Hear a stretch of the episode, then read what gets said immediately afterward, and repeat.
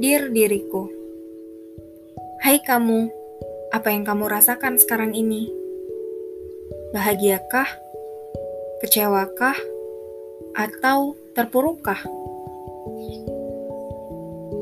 Wahai diri, kumohon mengertilah dengan hidup ini.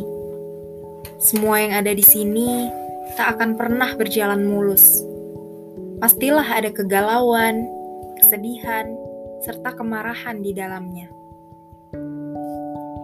Karena kau tahu, dunia ini bukan tempat tinggal bagimu. Allah menciptakannya sebagai jalan, jembatan, serta ladang untuk kamu menumbuhkan benih-benih kebaikan yang akan tumbuh bunga-bunga nan cantik untuk kamu menghadapnya. Lebih tepatnya, sebagai bekal perjalananmu di bumi untuk menuju tempat yang kekal abadi. Kumohon, bertahanlah wahai diri. Tak apa, tak apa jika kamu merasa asing.